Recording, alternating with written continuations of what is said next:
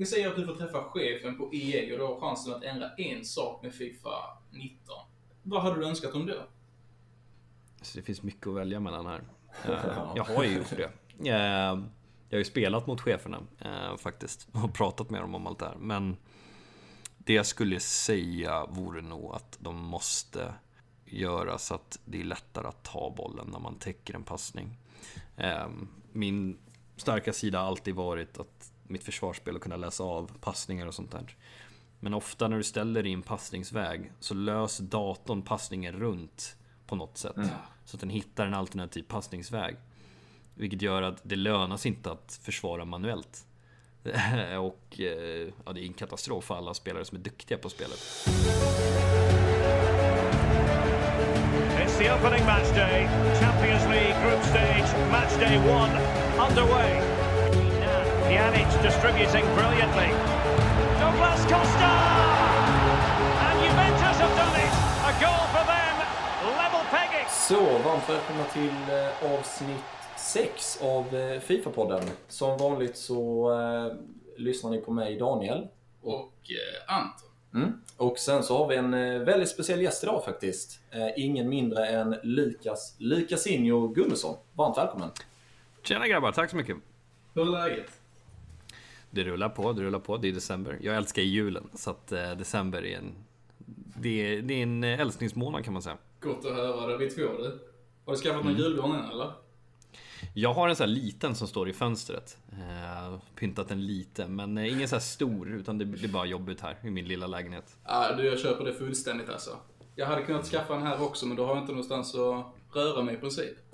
Så Nej. jag tänker att jag ser förbi det helt enkelt. Mm, helt rätt. Nej men eh, jättekul att du vill, eh, vill komma och gästa här. Det är väldigt uppskattat från vår sida. Verkligen. Eh, och mm. vi tänkte inleda här med lite kortfrågor. Så att det är ju antagligen är det så att de flesta som lyssnar här vet ju såklart vem du är. Men om det mot förmodan är någon som, som inte vet det så, så kör vi av de här lite snabbt bara. Mm. Så att, vill du börja Anton? Ja, men det kan jag göra. Vi inleder ju med en rätt så standardfråga, så eh, Lukas, hur gammal är du? Jag är 24 år. Oh, 94 också? Mm. Stort. Mm. Eh, vad har du för eh, favoritlag när det kommer till eh, fotboll? Chelsea. Mm. Är det, om man kikar på, på Sverige, följer du svensk fotboll någonting? Eh, inte mycket längre. Jag följde väldigt mycket när jag var liten och där har ju hela min familj växt upp eh, söder om Söder i Stockholm här. Så att det, det är ju Hammarby. Mm. Okej. Okay. okay. Ett annat HF-lag helt enkelt. Eh, vilket är ditt första fotbollsminne? Oj, kan mitt första fotbollsminne? Kan det vara att du har spelat eller att du har, liksom, någonting du har sett? Jag tror att det måste ha varit först första gången jag var nere på en knatteträning. Det var en liten kaninbur liksom, alltså så på grus, liksom femmannaplan mitt ute i ingenstans i princip. I närheten av där jag bodde. Eh, så det är väl mitt första fotbollsminne tror jag. När jag gjorde den träningen. Alla bara sprang runt i en klunga, det kommer jag ihåg. Mm. Snyggt. Vad har du för utbildning? Jag äh, har äh, ja, universitetsutbildning, äh, företagsekonomi, en kandidat. Sen har jag eh, fotbollstränarutbildning, UFA. Eh, och sen lite diverse folkskole, folkhögskolekurser. Och sen har jag pluggat lite språk och sånt där på universitet också. Okej. Okay. Du har grundat bra låter det som. Mm. Ja, en bildad man vi talar om här alltså. Imponerande. Har du något nyårslöfte? Nej, jag inser väl, alltså jag har insett efter så många nyårslöften och när man blir äldre så lär man ju känna sig själv att eh, jag har svårt att lova mig själv saker. Men det är väl snarare att man siktar mot saker. Fullt rimligt, fullt rimligt. Och eh, lite kopplat till det också, eh, eftersom det var närmast sig här då. Vad önskar du dig i, i julklapp i år? Oj, vad önskar jag mig i julklapp? Ja du. Fifa points är ju alltid uppskattat. nej, nej, men eh, nu, jag skulle inte, ett par, alltså jag behöver jättemycket strumpor. Jag behöver 30 par strumpor så att eh, det önskar jag mig. Mm. Ja, men det är en bra önskan. Det är lite intressant att ju äldre man blir desto mjukare klappar vill man ha. Ja men så är det Så är det definitivt. Man, alltså jag grät ju när man fick en mjukklapp när man var liten. Ja men alltså någon som ger liksom en mjukklapp till en liten unge är ju sadist in i, alltså ända in ja. i själen. Alltså det är ju bara ett faktum. Ja, ja definitivt. Så eh, Lukas, nu när vi har fått lära känna dig lite bättre så hade vi velat få lära känna dig ännu lite bättre. Så om du skulle vilja berätta lite om dig själv här i korta drag. Korta drag. Eh, kommer från Stockholm. Eh, fotbollsintresserad. Eh, samhällsintresserad kan man säga. Uh, jag antar att det är min Fifa-bakgrund som ni är mest intresserade av dock. Uh, och den började väl när man satt uh, framför datorn när man var 4-5 bast och spelade VM 98-spelet, kommer jag ihåg. Jag gillade Hollands landslag, de hade ju Kluivert och sådär och bergkamp och man kunde ju skjuta från halva plan. Det tyckte jag var jättekul. Och ett av mina första Fifa-minnen tror jag när jag spelade hemma hos min kusin på en sån här Sega Dreamcast. Um, och då gjorde jag ett mål och så sprang jag ner till min kusin och så sa jag så här, du jag gjorde mål. Han bara, gud vad bra. Och så sprang jag tillbaks och bara, jag gjorde mål på exakt samma sak, eh, på exakt samma sätt igen. Då var det reprisen som rullade. Eh, så, så, att, ehm, nej men det är väl det. Och sen alltid gillat Fifa, alltid varit rätt bra på Fifa. Inte tävlat i det förrän Fifa 12. När det kom fram SM eh, på den tiden. Och då var jag med lite där så märkte jag, ja men jag är bättre än de här grabbarna. Sen började jag ja, tävla mer internationellt, Fifa 13, Fifa 14 tjänade rätt bra pengar på det medan jag gick i gymnasiet och pluggade liksom. Så jag behövde aldrig några extra jobb eller sådär. Eh, och sen så började ju, alltså, jag blev ju klar på universitetet och sök, började söka jobb. Och eh, jag var nära på att få ett jobb. Jag tror att det var så 100 sökande till ett jobb.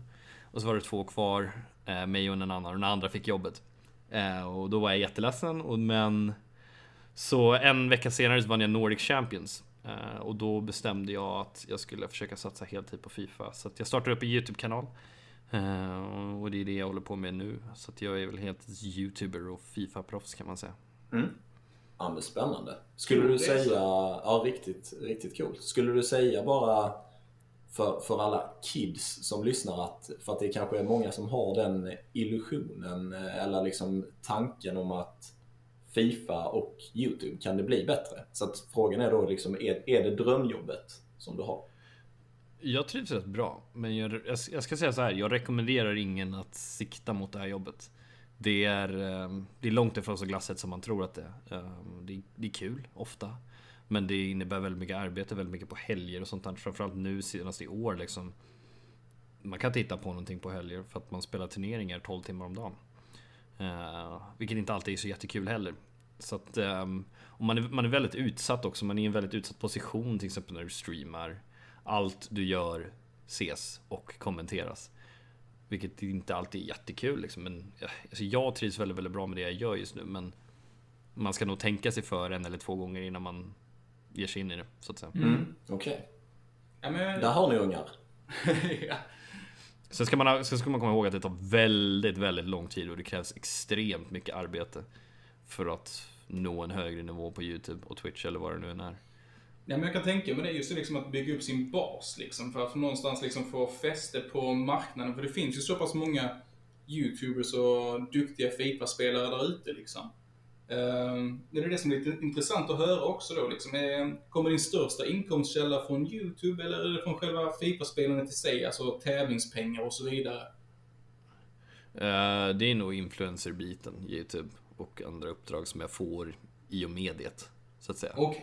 Ja.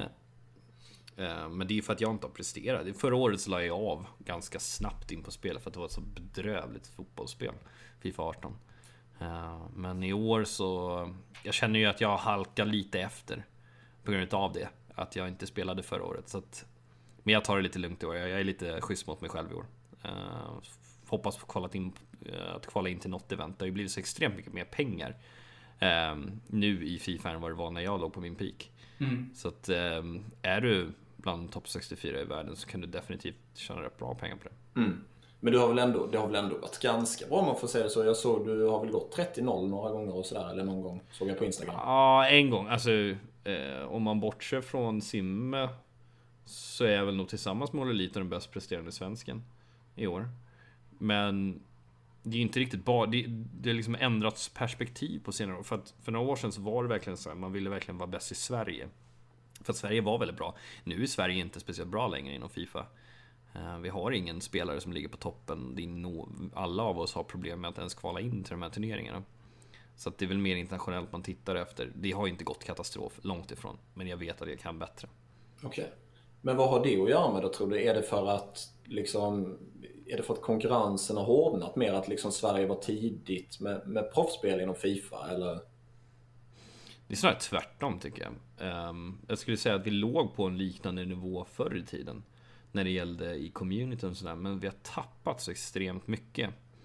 eh, gentemot de andra länderna. Om man jämför med Danmark som ett väldigt bra exempel. De har alltid jättemycket turneringar. De, vilket gjort att de, de hade inga bra spelare för några år sedan. De hade ju turneringar hela tiden. De har, nu, nu sänds liksom deras e-superliga på TV. Vilket gör att det skapas en helt ny community och en helt annan konkurrens kring saker. Tyskland är också ett jättebra exempel. Eh, på liksom hur vi har tappat i Sverige. För det finns inget intresse utav bra Fifa-spelare i Sverige. Det finns inga turneringar. Det finns en turnering på hur länge som helst. För bara svenskar. Med en duglig prissumma. Nej. Det var väl den eh, vad hette den? Den du vann eh, senast? Nordic Champions? Ja, det var ju för alla i Norden. Ja, i och för sig. Ja. Just det. Men bara för svenskar. Det är, det är ett bra tag sedan faktiskt. Mm. Okay. Vad, vad tror du att det beror på? Är det på um, för litet intresse? Är det ju knappast liksom. Men är det att um, man inte tar det liksom som en seriös alltså e-sport på det sättet kanske? Eller vad tror du att det kan bero på? Jag tror att vi har andra e-sporter i Sverige som är så pass etablerade. Till exempel, vi har Counter-Strike i Sverige som har, liksom, har en tradition utav sig att vara väldigt, väldigt bra. Det är lite som att, eh, jag menar, kulstötning ska försöka slå sig in som en, den största friidrotten i Sverige när vi redan har höjdhopp eller 100 meter häck som vi redan haft många bra i. Det, mm, så det blir en väldigt, väldigt jobbig konkurrenssituation så att det finns liksom ingen aktör eller Tropsy var ju det, men nu händer ju inte så mycket där heller. Men det finns ingen aktör längre som är duktig på att sälja in det till företag och kunna få in det kapital som krävs för att hålla i en turnering. Eh, som de andra länderna uppenbarligen lyckas göra. Och sen alltså om du jämför liksom, de här svenska klubbarna liksom, när de kliver in nu i e-sport, vilket många har gjort. Så, alltså, det, det sköts på ett väldigt oseriöst sätt. Jag skulle säga utav samtliga klubbar som har gett sig in och signat spelare hittills i Sverige. Vilket alltså, det, ska, det skapar en sån amatörmässig bild från svenska proffsspelare. Och det är ingen av de här klubbarna som har lyckats signa någon av de absolut bästa spelarna i Sverige heller. Och det är för att de, de är inte beredda att lägga ner kapital. Och det är på grund av att de inte har kompetensen till att veta exakt vad de gör, så de är väldigt försiktiga. Och eh, ber spelarna att spela för kaffepengar i princip. Okay. Och det, det skapar ingen, ingen bra utvecklingsmiljö i Sverige. Nej. Vad hade du kunnat tänka dig att, eh, att gå till en allsvensk klubb för? Eller hade du kunnat tänka dig det överhuvudtaget? Det är svårt att säga en summa sådär, men absolut. Jag har ingenting emot att representera en svensk klubb. Det jag är intresserad av, precis som alla andra, är, det är en ekonomisk stabilitet. Ehm, och framförallt som Fifa-spelare, man vill ju inte vara piskad till att vinna turneringen, men man vill ha den där ekonomiska stabilitet, eh, stabiliteten i grunden. För att jag tror att långsiktigt ska du kunna prestera så behöver du det. Mm. Men om vi rör oss lite mer över mot själva Fifa-spelet i sig då. Uh, vi säger att du får träffa chefen på EA och du har chansen att ändra en sak med Fifa 19. Vad hade du önskat om det? Så det finns mycket att välja mellan här. Uh, jag har ju gjort det. Uh, jag har ju spelat mot cheferna eh, faktiskt och pratat med dem om allt det här. Men det jag skulle säga vore nog att de måste göra så att det är lättare att ta bollen när man täcker en passning. Ehm, min starka sida har alltid varit att mitt försvarsspel och kunna läsa av passningar och sånt där. Men ofta när du ställer en passningsväg så löser datorn passningen runt på något sätt. Mm. Så att den hittar en alternativ passningsväg. Vilket gör att det lönas inte att försvara manuellt. och eh, ja, det är en katastrof för alla spelare som är duktiga på spelet. Och detsamma gäller ju liksom, det går inte att ta bollen när folk är felvända och liknande utan folk vänder ju bara om och så passar de bak den. Mm. Hela tiden. Så det är jättesvårt att ta bollen manuellt. Eh, och det har varit, de har ju motarbetat det här nu i flera år, tyvärr. Vilket gör att de här de nya spelarna som kommer fram, det är inte de som är de smartaste spelarna på planen, utan det är de som är de mest tekniska. Och så blir det 7-5 i varje match på proffsscenen. Vilket är långt ifrån så som det var för några år sedan. Det betyder inte, inte nödvändigtvis för att vi var sämre på den tiden, utan det är att spelet är så pass mycket annorlunda. Det krävs så mycket mindre för att göra ett mål i år och det är för att det är för svårt att försvara. Mm. Ja, men det är väldigt intressant det du säger, för jag, alltså, jag är ju på en, vi båda är ju båda på en helt annan nivå än vad du är. Du och jag alltså? Ja, precis. Ja. Alltså det är, det är så många gånger som man liksom, ja, som man själv har tur också när man slår en pass som ens deras försvarare mm. skulle ha tagit. Som det liksom bara typ såhär, ja men den, spelet bestämmer sig för att chippa bollen över benet som han Ja men precis. Ut, liksom. En vanlig krysspassning som går i brösthöjd. Ja men precis. Det, och det är så med flit. Och när jag var på EA's huvudkontor i Vancouver så såg vi ju det här. Det var inför Fifa 18. Och då förklarade vi det här problemet. Det här fanns ju redan på Fifa 17, inte alls lika extremt som det blev under Fifa 18 och 19. Mm. Men där på deras monitorer så kan man ju se exakt fart och balans och sånt där på spelen. Du kan ju se alla de här statsen. Vilket gör att man ser ju spelet från en helt annan synvinkel. Och det, det som är intressant där är att man ser ju exakt vart pilen pekar för passningen. Säg att man vill slå den på vänstersidan om försvararen. Mm. Men försvararen tar ett steg åt det hållet, då löser ju datorn så att den går på högersidan och han blir fri ändå. Liksom. Mm. Och det, så var det inte på de gamla spelen. Så, så att AI har ju blivit smartare offensivt medan den har blivit dummare defensivt. Ja, alltså det, det är ju hål i huvudet alltså. Jag blir ju lack när jag hör det helt riktigt alltså. Mm. Ja, ja, men jag, jag, alltså det är ju programmerat för att det ska vara så. Och, eh, jag är inte med, alltså jag vet inte, men problemet med EA, det är att när vi ger dem feedback, och ofta är det proffsen som får ge feedback, det är att de säger ju så här till dig, men jag förstår att du ser det här problemet, men vi måste göra så att de andra tycker att det är kul också. Ja, just det. Mm. Och eh, vilket det, det är ju en helt förkastlig inställning, tycker jag. Ja. Till hur, hur spelet ska konstrueras. Det ska ju vara skill. Det ska inte vara att det ska inte finnas någon slump i spelet. Det är svårt att göra ett fotbollsspel som inte har någon slump överhuvudtaget. Nej, exakt. Men spelet är ju konstruerat för att det ska vara inkonsekvent. Mm. Ja, då kan man ju gå och spela Yatzy istället liksom, om man inte är intresserad av att lära men sig spel. Men alltså, innan text nu, hur många är det som har vunnit flera Fifa-turneringar i rad? Nej, det, är, det är ingen som gör det. Och det är för att spelet är random. Ja. Det, är, det är ingen som vinner poker-VM två i rad. Och det är för att det är en liten... Det är slumpmässig del i det också. Det är samma med Fifa. Det är svårt att ligga på toppen och vinna så pass många turneringar. För att det är så pass random. Mm. Jag såg ju ett klipp på, eh, jag tror det var från en Regionals-match, men det var förra året. Eh, där det var ett proffs som eh, hade så mycket BS emot sig. Jag tror, tror det var under två matcher, där det var bästa, eller om det var bästa tre eller bästa två, nu kommer jag inte ihåg. Men till slut så blev han i alla fall så pass lack att han bara la ner kontrollen och gick därifrån. Vägrade spela färdigt matchen. Ja, det var ju Kurt. Han är ju lite dramatisk av naturen också. ja. Okay. Det, det var ju um, kick-off glitch-mål som han släppte in. Mm. Sen ska man ju säga att han släppte in så att han låg under med tre mål eh, när det var en kvart kvar. Så att det var väl ganska kört också kan man ju säga. Ja, ju. Och han försökte väl skapa turbulens kring det snarare än att han hade förlorat kanske. men, eh, men jag förstår ju poängen. Det är ju, det är ju så liksom. Ja. Och um, tyvärr. Och det, jag, är väl, jag ska väl säga att jag är väl kanske en av de mest aggressiva spelarna när det gäller temperament. Så att eh, jag kommer, ni, ni, kommer inte höra mig säga att jag sitter där jättelugn och accepterar det direkt, för det gör jag inte. Men eh, det, det vad det liksom. Ja men det, det är kul att höra, det leder oss nästan lite in perfekt här på vårt nästa ämne. Um, jag, jag och du Daniel, vi har ju båda upplevt att när vi spelar Fifa så spelar man sämre Fifa när man blir arg. När man låter spelet liksom komma åt den liksom. När man känner att nej, spelet går emot mig och man börjar lacka på det. Och vi har ju sett på dina YouTube-klipp också att du kan, som du säger, själv säger, lacka en del. Hur gör du för att lugna ner dig för att liksom bara typ komma ner i varv igen och sen så kunna fortsätta spela bra Fifa? Det jag försöker göra rent mentalt är att jag försöker liksom se bort från helheten och börja tänka mer på detaljer. Så här, vad ska jag ta för beslut i exakt vilken situation som möjligt för att det här ska bli så bra som möjligt? Om jag har bollen här, är det bättre att jag slår den där eller trekantsbollen i djupet och bara chansar? Eller är det smartare att jag slår den där krysspassningen och tar det lite lugnt? Um, jag försöker, jag försöker liksom bara intala mig, okej okay, Lukas, hur kan du vinna den här matchen nu? Nu har du situationen här, det går inte att ändra på. Vad kan du göra nu för att vända det här? Mm. Det är så jag tänker. Mm. När jag försöker i alla fall. Ja, men det är väl ett rimligt ställningstagande. Eh, brukar du ta några pauser in emellan matcher liksom, när du känner att den här matchen, den förra matchen, var något åt helvete liksom? Känner du att Eller har det hänt att du går ifrån och bara liksom du behöver ta en paus? Är det någonting som har fungerat Ja, för men dig? under, mycket under Fifa 17 så satt jag ju och eh, loggade så här när jag hade käkat, hur många matcher i rad jag hade spelat, om jag hade tagit en paus innan jag spelade match för mina Weekend League-matcher. Jag kunde ju se ett ganska tydligt mönster för när jag förlorade mina matcher.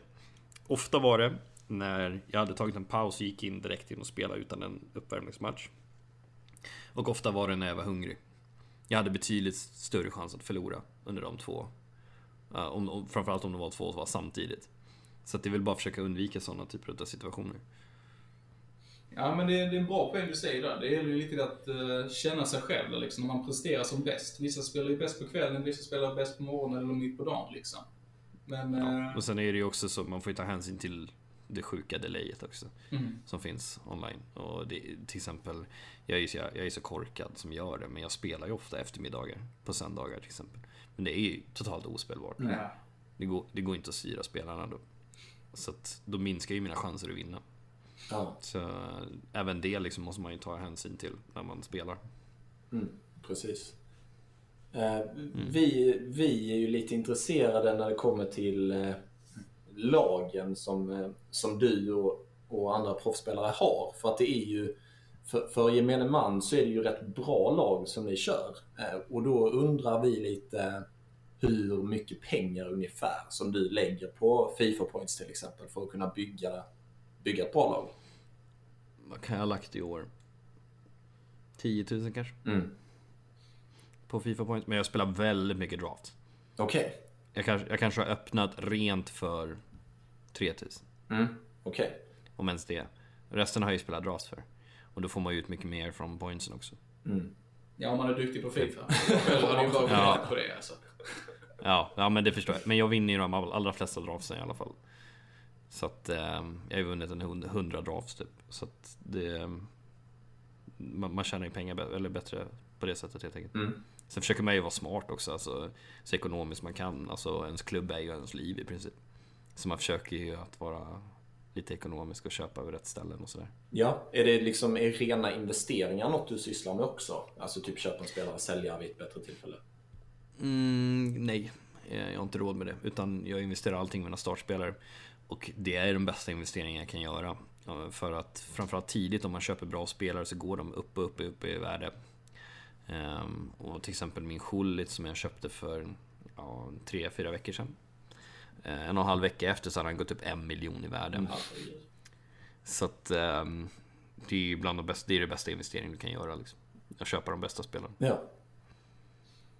Ja, det ser man ju på Ronaldo också. Jag var ju intresserad av att köpa honom. Låg ju på runt eh, 2 miljoner för någon månad sedan här. Nu är han ju uppe på 2,5 alltså. Mm.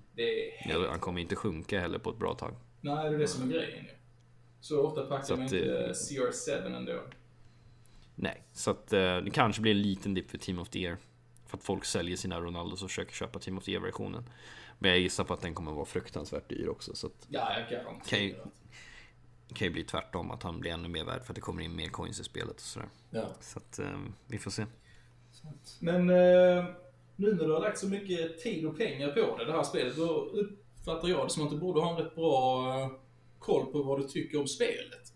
Du sa att Fifa 18 var i princip ospelbart. Hur eh, upplever du Fifa 19 då? Det är acceptabelt.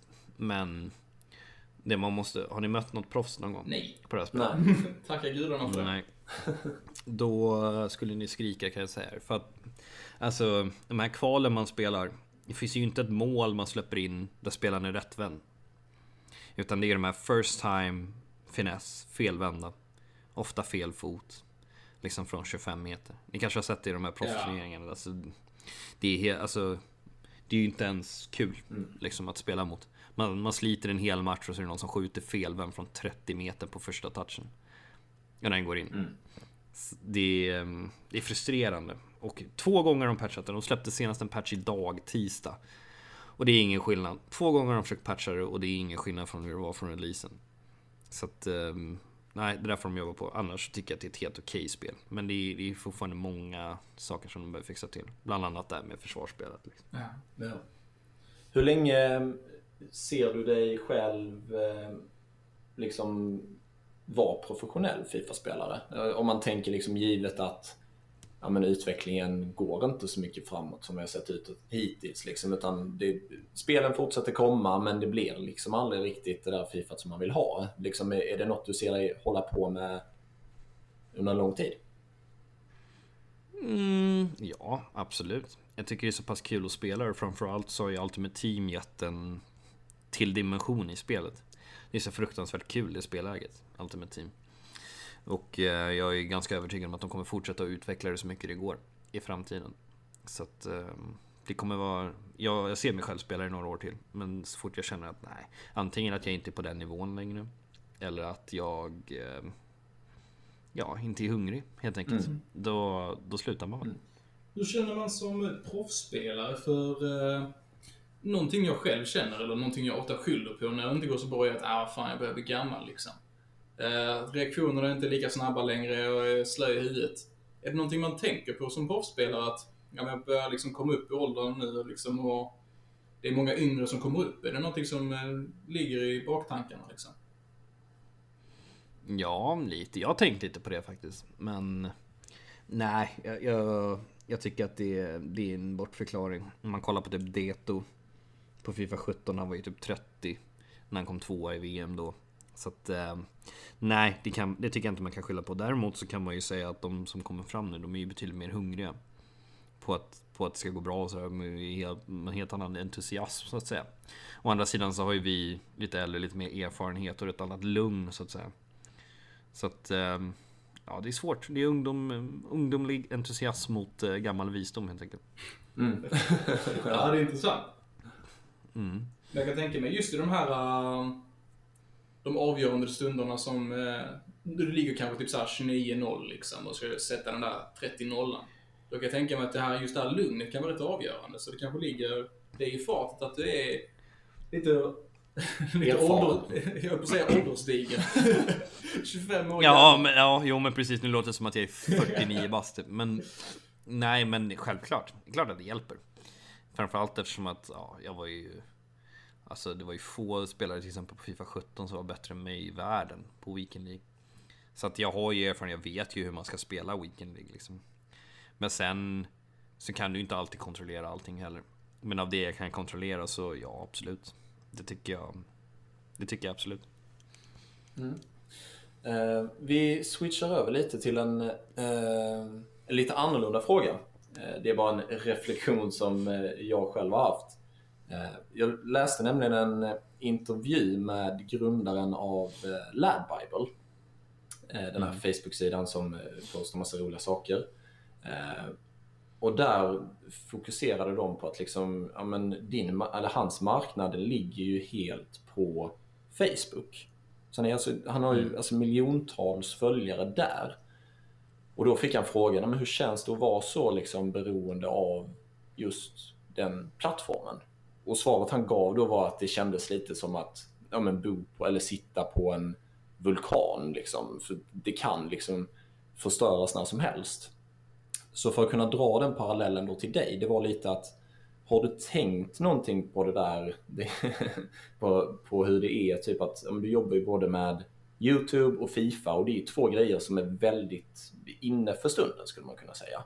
Men liksom om vad skulle hända, säg om det kommer ett spel som typ helt ersätter Fifa? Eller vad skulle hända om YouTube-servrar kraschar en dag? Eh, är det stressigt eller, eller har du tänkt så överhuvudtaget? Nej, men det är klart att man har tänkt så. Um, men samtidigt så, jag gör ju vad jag kan för att försöka diversifiera mig så mycket som det går. Um, till exempel, alltså, jag spelade ju inte Fifa som jag nämnde förra året, men då spelade jag Fortnite. Funkade absolut lika bra det på YouTube. Uh, och livnärde mig på det under den perioden.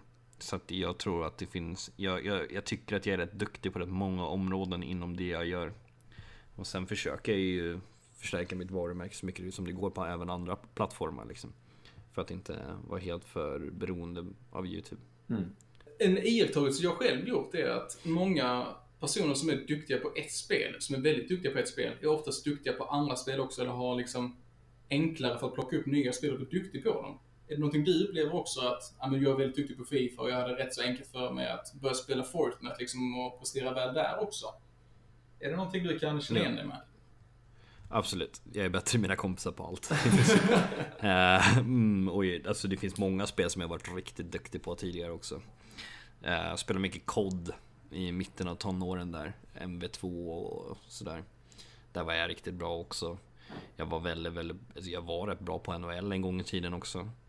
Um, vad heter det, alltså plockar jag upp Battlefield och spelar nu så är jag bäst på mappen trots att jag har spelat fem matcher i år. Liksom. Mm.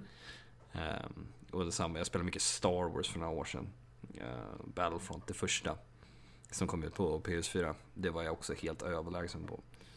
Så att eh, absolut, det, jag är rätt bra på många spel och Fortnite tyckte många att jag var bra på liksom också i början.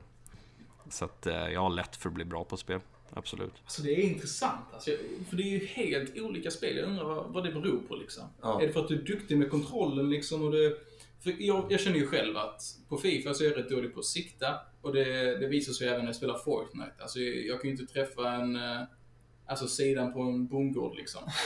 Alltså det... Nej. Bara på med nattmössan liksom.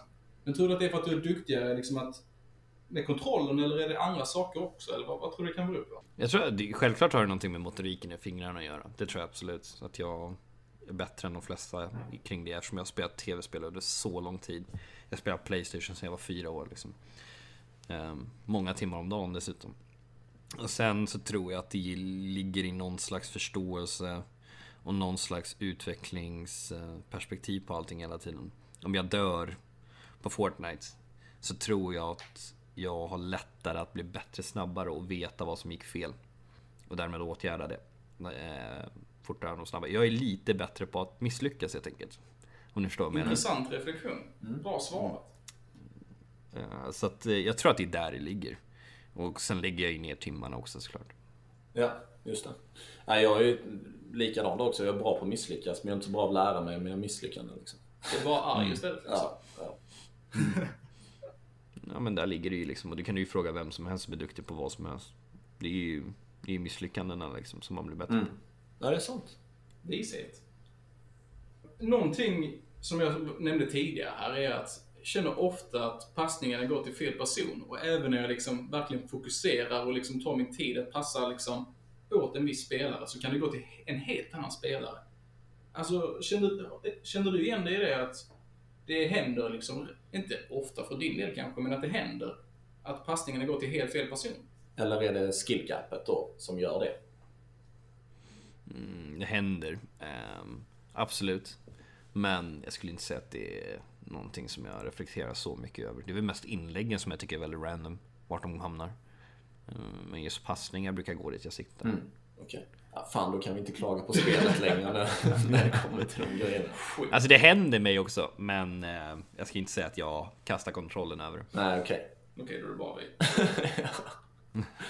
Om vi, eh, lite för att eh, börja gå mot sitt slut här, men eh, vi tänkte lite om du har några allmänna tips för någon som precis ska starta FUT, eh, Ultimate Team. Mm. Mitt tips är att du försöker skaffa så bra lag som möjligt. Och om du kan, framförallt om du börjar spela nu, så skulle jag rekommendera att ni skaffar en fitness squad som man kallar det. Så du har två startelver, så slipper du lägga coins på konditionskort. Då sparar du 1000 coins per match i princip. Så kan det bara bli ännu lättare om du har i eh, 22 spelare i samma liga. Så att du har två anfallare från Premier League, två högeryttrar, två vänsteryttrar, sex mittfältare. Ni förstår vad jag Mm. menar. Så brukade jag göra förr i tiden i alla fall, i Ultimate Team, när jag inte tog det så seriöst. Och sen spela mycket, se till att få mycket rewards. Uh, försöka komma in i Weekend så snabbt som möjligt. Det handlar ju om att lägga ner tiden. Så ju. Ja, det finns ju... Fifa 19 har ju verkligen liksom möjligheten för folk att bygga upp bra lag i med liksom eh, rewardsen från Division Rivals bland annat, som inte har funnits innan. Ja, men jag ska dock säga från ett proffsspelarperspektiv så tjänade jag mer coins på att spela de gamla divisionerna. Okej. Faktiskt för att eh, jag måste spela så extremt mycket för att få okej rewards. Om jag slutar rank 3 i division 1 så får man ungefär samma rewards som rank 2 i division 5. Mm. Och då har jag spelat betydligt mer än vad de har gjort. Trots att... eh, så att eh, de där rewardsen är ju helt uh, obalanserade. Ja, okej. Tyvärr. Så att eh, division 1 är bedrövliga rewards. Så att jag hade tjänat mer på att spela gamla systemet faktiskt. Men för de som ligger nivån under, de som låg i gamla liksom division 2 eller division 3 eller division 4. För dem tror jag att det, det lönar sig. Ja, men jag kan eh, hålla med om det där. Ehm, jag ligger ju i division 5 och det gör ju Daniel också här. Men eh, det krävs ju inte mycket. Om man har, har man spelat Weekend League så har du liksom halva jobbet gjort åt det. Då behöver du inte spela så många matcher under resten av veckan och ändå få bra rewards. Liksom. Så för oss andra så är det ju verkligen ett bra tips. Speciellt om du precis börjar med FUT. Att uh, lira Division Rivals. Bara grinda ut det. Mm. Yep. Men för mig så måste jag spela en ytterligare 30-40 matcher under veckan. Oj, mot, mot de bästa spelarna i världen. Och det måste gå helt okej okay också. Mm. så vilket jag stör mig på med de här typ veckliga weekly objectives. Helt omöjligt. Det var typ så här, ja men förra veckan så var det väl för att få en så här fötbytesspelare. Sen skulle man göra mål i tre vinstmatcher i Division Rivals med spanska spelare. Jag hade inga spanska spelare. Det är svårt nog att vi bara vinna en match. i Rivals. Ja, liksom. Så ska man göra mål med en spansk spelare också. Det är samma nu liksom. Så här, ja men gör mål med italienska spelare. Jag har inga italienska spelare, då måste man ju byta ut hela sitt lag. Ja, precis. Och, och grinda sönder det. Eh, så det där är ju totalt orättvist tycker jag också. För att få vissa utav de där korten. För vi möter så pass mycket bättre spelare. Och alla har ju fulla ikonlag också. Nej men jag kan tänka, alltså mm. det känns ju verkligen som att EA försöker att liksom göra lite sådana här roliga saker åt communityt liksom med att det ska inte bara behöva vara spelare som du ska liksom ja, spendera massa pengar på eller massa spelare på framförallt. För att kunna få, alla ska kunna få dem. Men det är ju det att oavsett hur de gör så känns det som att någon sida av spelarbasen blir drabbade. För att spelarbasen är så oerhört bred. Det är liksom omöjligt att liksom göra alla nöjda men Ja, jag, jag förstår verkligen var det kommer ifrån. Jag håller med dig fullt och hållet att det, det är ju inte helt hundra. Det är frustrerande för mig. Jag förstår ju hur de har tänkt och då säger de så här, men det är så pass liten klick utav alla som spelar som det här är problem för. Jag bara, ja, men nu blir det ju så att jag blir den. Och då, då blir jag ju förbannad. Ja, såklart. Men eh, mm. om vi kör eh, en av de frågorna som ligger mig närmast om hjärtat här. Jag har ju spelat en hel del Weekend League och eh, det har vi kanske att göra med det du snackade om tidigare, om att lära sig av sina misstag. Men eh, har du några tips för någon för hur man kan förbättra sitt record inom Weekend League? Förutom att då förbättra sitt lag. Mm. Försök att planera när du ska spela matcherna. Så att det inte blir helt spontant. Så att ni kanske planerar att spela fem matcher. Fredag 10 matcher, lördag och sen 15 på söndagen. Och försök att spela under tider där det inte är delay. Det vill säga försök att inte spela mellan klockan 1 och typ 7 på dagen. Eh, försöker undvika att spela då för att spelarna är okontrollerbara under den tiden, tyvärr. Uh, även om ni kanske inte märker det så är det är så. Liksom. Mm. Det är ingenting att diskutera. Uh, så det skulle jag vilja rekommendera. Så försök att vara lite mer eh, strukturerad. Och ja, fokusera under de fem matcherna. För då är det lätt att bara, ja men nu spelar jag de här fem matcherna. Nu ska jag göra så bra som möjligt under dem. Så ehm, tror jag ni får bättre resultat. Mm. Ja, men tips. Ja, får vi tänka på. Mm. Det behövs alltså. Ja. ja. men för jag känner det ofta att när jag spelar Weekend League att det är, det är oftast inga konstigheter att komma till guld 3 liksom. Det är, det är där jag pikar. Sen så kan jag ha allt från 7 till 10 matcher kvar. Men ändå lyckas jag inte nå guld 2. Det kanske bara är en mental grej där, men jag känner i alla fall att efter det blir det så otroligt mycket svårare.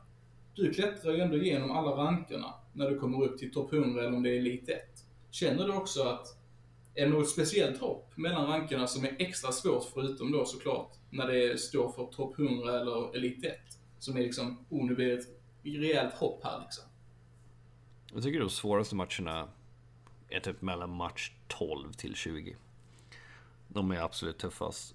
Och det är ju för att IA har ju satt ut ett system som capar på 15 vinster. Så att de som ligger 15 vinster plus, alltså 15-0, 16-1, 17-2, 18-3. Ni fattar. Mm. Eh, de möter varandra. Så att efter 15 så möter jag ju bara folk som har 15-0 i princip. Eller ja, 21-6 eller vad det är. Så att det blir ju alltid tuffare då. Det är det som folk inte fattar. För jag, det är så många som säger till mig att jag chokar alltid sista 10. Chokar alltid sista 15 eller vad det är. Och det är för att du möter mycket bättre spelare än vad du gör första matcherna. Okej. Okay. Det är inte svårare det är inte svår än så. Sen kan det vara mentalt också. Ja. Men eh, Ofta så är det för att du möter bättre spelare. Ja, då skyller jag på EA. Underbart. Men det, det är ju intressant ändå för att jag upplever att nu när man har gått från 40 matcher till 30 matcher, att i alla fall när man går in på YouTube, så är det ju så många fler som når 30-0. Och det känns som att ribban ligger högre upp nu på hur många vinster man behöver för att nå topp 100. Det är, det är ju rimligt liksom. Alltså tänker man bara logiskt så det är ju såklart enklare att få 30 vinster än 40. Men känns det inte som att fler har blivit bättre på spelet? Eller hur, hur känner du? Det är mer pay to win än tidigare och det är större skillnad mellan de bra och de dåliga spelarna in-game alltså. Det är större skillnad på Schullit och Rodrigo än vad det någonsin har varit. Upplever jag i själva gameplayet också. Och sen eh, så handlar det ju, ja det är bara 30 matcher. Det är lättare. Man är inte lika trött mellan match 30 till 40 längre liksom. Um, och ja, det är ju i princip omöjligt på Playstation att sluta topp 100. Du behöver ja, 30 för att vara garanterad topp 100. Och 29 eller bra skill rating kanske du kommer med liksom.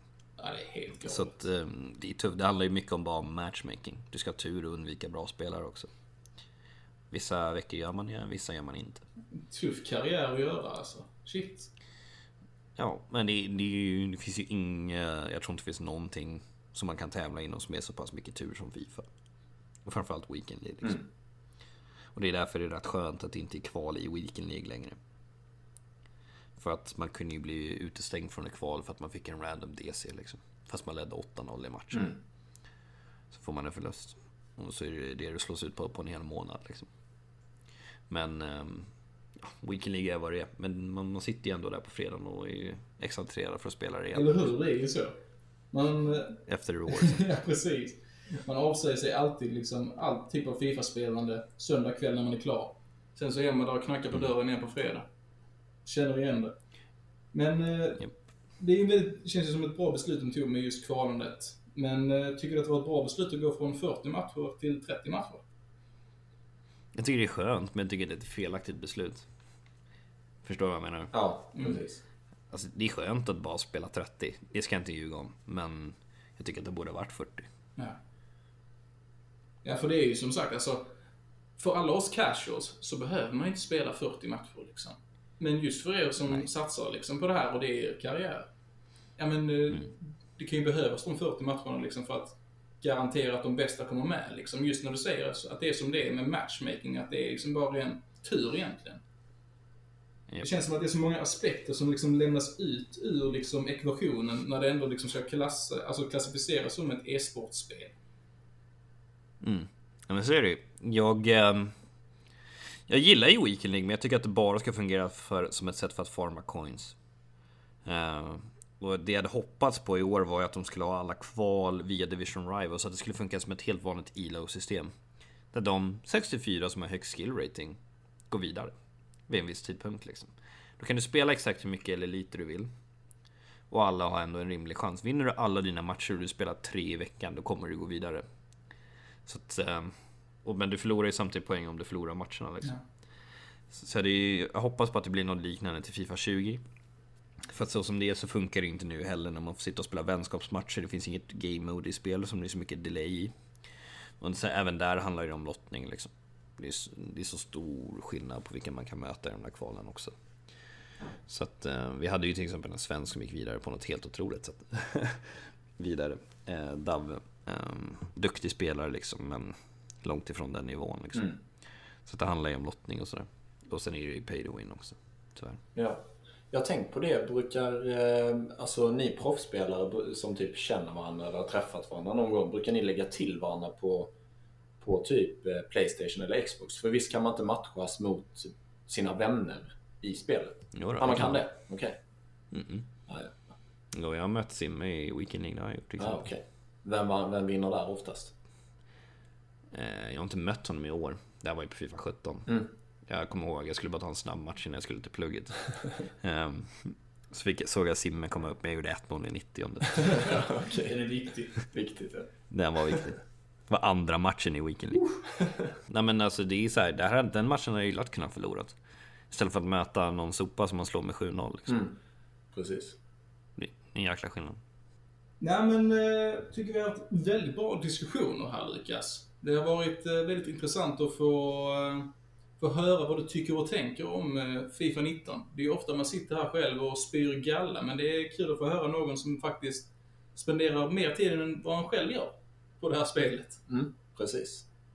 Nej men det var, det var kul att vara här. Eh, intressant diskussion som du säger. Så stort tack för att du tog dig tiden och för er som lyssnar, om ni inte redan följer Ligasinho på diverse sociala medier så in och gör det. Eh, Youtube-kanalen speciellt är ju, den är riktigt bra. Just nu så har hon även en julkalender igång där så in och kolla på den om ni inte redan har gjort det. Mm. Vi länkar det här i eh, beskrivningen i, eh, i podcasten, i appen som ni lyssnar på. Så får ni ha ett eh, stort tack för att ni tog er tiden att lyssna in på vårt 100-lyssnars special. Mm, exakt. Och återigen tack till dig Lukas för att du ställde upp. Det var mycket trevligt. Tack, tack. Tack. Så är vi tillbaka i, eh, nästa vecka i, igen som vanligt. Kan ni lita på. Ja. Ha det gott! Ha det. Hej.